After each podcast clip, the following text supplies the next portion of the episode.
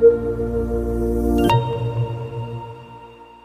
Soru. Daha önce yapmış olduğunuz bir videonuzda eşcinsellere dair lanetlemenin Kur'an ve hadisin açık bir hükmü olmadığından bahsediyorsunuz. Bazı hadislerdeki lanet ibaresi hakkında yorum farklılıkları olduğunu fakat İslam'ın bu insanları lanetlediğini söyleyemeyeceğimizi belirtiyorsunuz. Burada bahsetmiş olduğunuz hadisler ve bu hadislerdeki yorum farklılıkları nelerdir? Cevap. Bu soruya sadece eşcinselliğin lanetlenmesi konusundaki hadisler özelinde değil, genel manada lanet kavramını nasıl anlamamız gerektiği ile ilgili bir cevap vermeye çalışacağız. Konuya girmeden önce hadislerde geçen ilgili kelimenin orijinali Arapça olduğu için bir miktar Arapça dil bilgisi aktarmamız gerekecek. Arapçada iki temel fiil kalıbı vardır. Mazi ve muzari. Bunların İngilizce karşılıklarını ise mazi için perfect, muzari için de imperfect şeklinde tanımlamak doğru olacaktır. Bunlar olmuş bitmiş bir işi ifade eden ve halen sürmekte olan yani bitmemiş bir işi ifade eden fiil kalıplarının çekimleridir. Bu ayrıma dikkat edilmediği zamanlarda ise bazı çevirmenler çevirmenler bunların hepsini geçmiş ve gelecek zaman kalıpları olarak çevirebilmekte ve ilgili ibareler de bu şekilde anlaşılabilmektedir. Mazi fiil kalıpları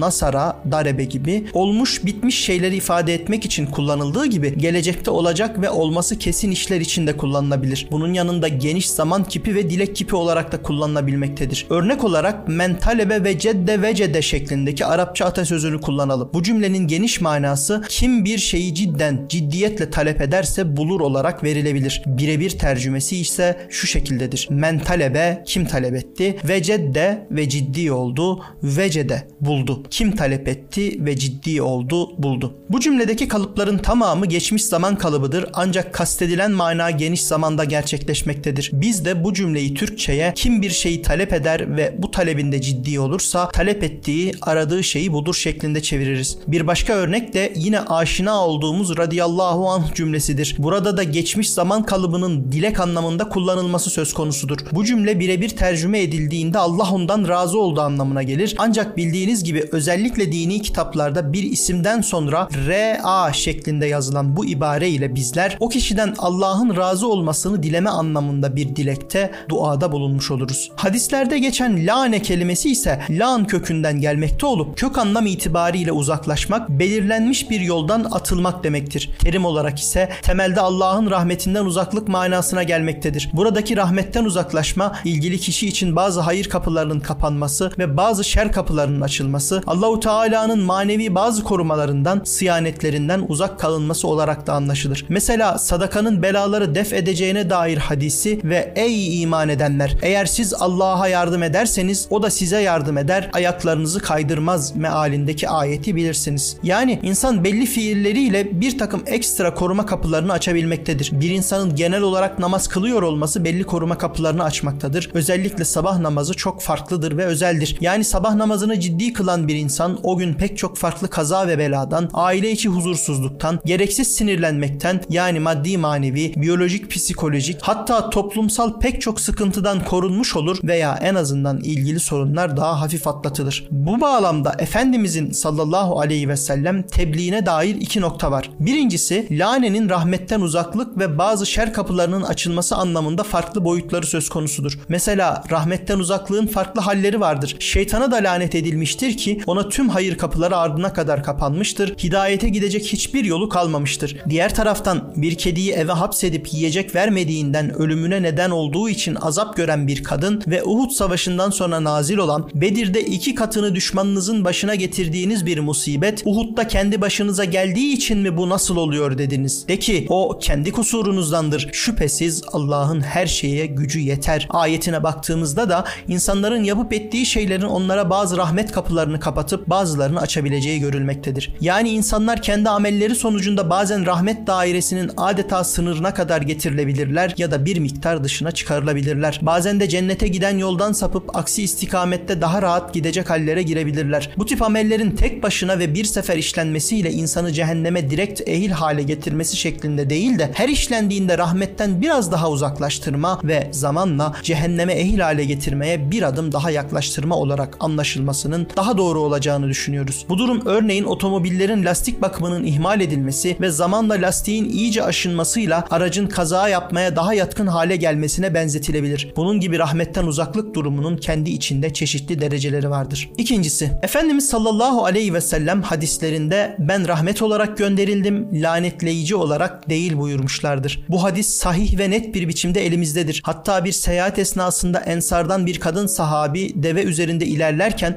bir sebepten devesine lanet edince Efendimiz sallallahu aleyhi ve sellem de devenin üzerindekileri alıp kendisini bırakmalarını çünkü onun lanetlendiğini söylemiş ve üzerinde lanet okunan deve bize eşlik etmesin buyurmuştur. O deve de azat edilmiş yani kendi haline bırakılmıştır. Hadisi rivayet eden İmran İbni Husayn'ın aktardığına göre o devenin insanların arasında kendi halinde dolaşıp durduğu ve kimsenin ona ilişmediği de bilinmektedir. Bu arada develerin çölde kendi başlarına yaşayabildiklerini, çöl coğrafyasında onlara zarar verebilecek vahşi hayvanların bulunmadığını, kurtlar gibi yırtıcıların dahi develere direkt zarar veremediklerini belirtelim. Üçüncüsü, Efendimizin sallallahu aleyhi ve sellem temel vazifesi tebliğdir. İnsanları Allah'a yaklaştırmaktır. Efendimiz sallallahu aleyhi ve sellem asla hiç kimseye Allah sana hidayet nasip etmesin, tevbe nasip etmesin, Allah sana iman yollarını kapatsın gibi o kişiyi mutlak şerre yani küfür manasında günaha, şerre sevk edecek bir duada bulunmamıştır. Gerçi bir maune olayı olarak bilinen vakada bazı kabile reislerinin 70 kadar sahabeyi şehit etmeleri üzerine o kabileler için Allah'ım onların durumlarını sana havale ediyorum. Ey Allah'ım onların yıllarını Yusuf peygamberin kıtlık yılları gibi çetin yap, başlarına darlık getir şeklinde beddua etmiştir. Ancak dikkat edilirse bu bedduada talep edilen şey dünyevi bir sıkıntıya uğramaları içindir. Ayrıca İslam tebliğini engellemeye çalışan,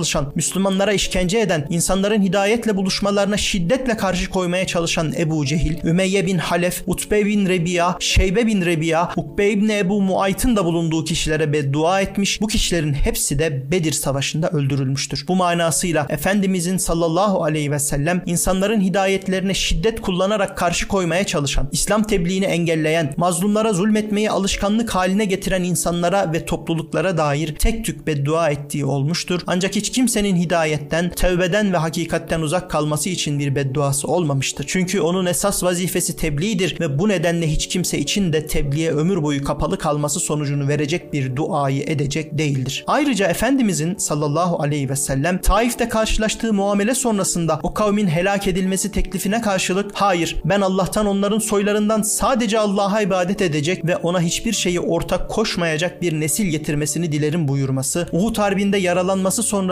Allah'ım kavmimi bağışla çünkü onlar bilmiyorlar gibi tavır ve sözlerinden anlıyoruz ki o hiç kimse için Allah'ım bunlar senin rahmetinden uzak olsun, bunlar imansız ölsün, bunlara hidayet kapılarını, tövbe kapılarını kapat gibi bir beddua etmemiştir, etmez. Toparlayacak olursak Allah Resulü sallallahu aleyhi ve sellemin hadisi şeriflerinde geçen lanet ibareleri yukarıda bazı örnekleri ve bağlamları verilen birkaç istisna dışında genellikle geniş zaman kipiyle kullanılmıştır. Ancak zamanla özellikle Hicri 2. asır ve sonrasında toplumsal dokunun da buna müsait hale gelmesiyle dilek kipi olarak anlaşılmış ve o şekilde kullanılır olmuştur. Halbuki ilk asırda insanlar ve ulema bu konuda o kadar hassastır ki Efendimizin sallallahu aleyhi ve sellem mübarek torununu şehit eden Yezid gibi biri için bile lanet etmenin caiz olup olmadığı tartışılmıştır. Bu tartışmalardaki konu elbette Yezid'in hayırlı birisi olup olmadığı değildir. Asıl konu böyle büyük bir zulüm ve böylesi bir zalim için bile lanet etmenin caiz olması veya olmamasıdır. Sonuçta Efendimizin sallallahu aleyhi ve sellem hadisi şeriflerindeki lanet ibareleri kelimenin geniş zaman kipiyle kullanıldığı kabul edilerek şu hareket sizi rahmetten uzak tutar, bunu yapana bazı rahmet ve hayır kapıları kapanır şeklinde anlaşılmalıdır. Bir dilek kipi olarak kullanıldığını kabul etmek ise Efendimiz aleyhissalatu vesselamın genel tebliğ vazifesi ve alemlere rahmet olarak gönderilme vasfı gibi hususiyetleriyle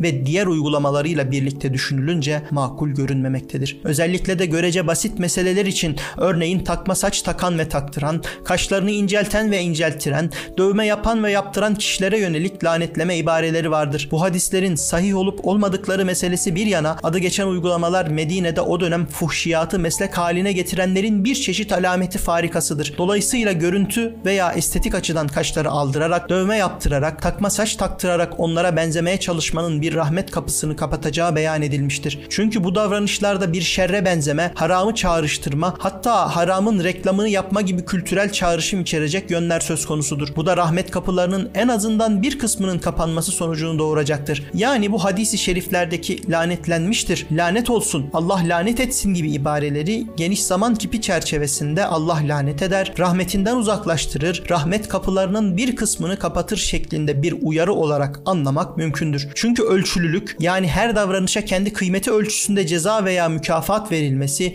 hikmetin, dolayısıyla vahyin ve Efendimiz Aleyhisselatu Vesselam'ın beyanlarının en temel özelliklerindendir. Bu nedenle bu ibareleri doğrudan dilek kipi anlamıyla çevirmek makul değildir. Ayrıca lanetlenme kavramının temel anlamı olan rahmetten uzak kalma veya rahmet kapılarının kapanması insanların kendi bir takım davranışlarının doğal sonucu olarak da gerçekleşebilecek bir durumdur. Örneğin gıybet etmek ya da harama bakmak da bazı rahmet kapılarını kapatır. Harama bakan veya harama bakmayı alışkanlık haline getiren bir insan dua etmek için fazladan enerji harcamak, kendini zorlamak zorunda kalacaktır. Bu aynen içi pislik ve kötü kokuyla dolu bir yerin güzel kokmasını sağlamak için daha fazla uğraşmak gerekmesine benzetilebilir. Ancak hadislerde gıybet edene veya harama bakana lanet edildiğine dair bir ibare geçmemektedir. Bu durumda Efendimizin sallallahu aleyhi ve sellem bir takım davranışlarla ilgili lanet ibaresini kullanması diğer benzeri davranışlar için de bir uyarı mahiyetinde anlaşılmalıdır.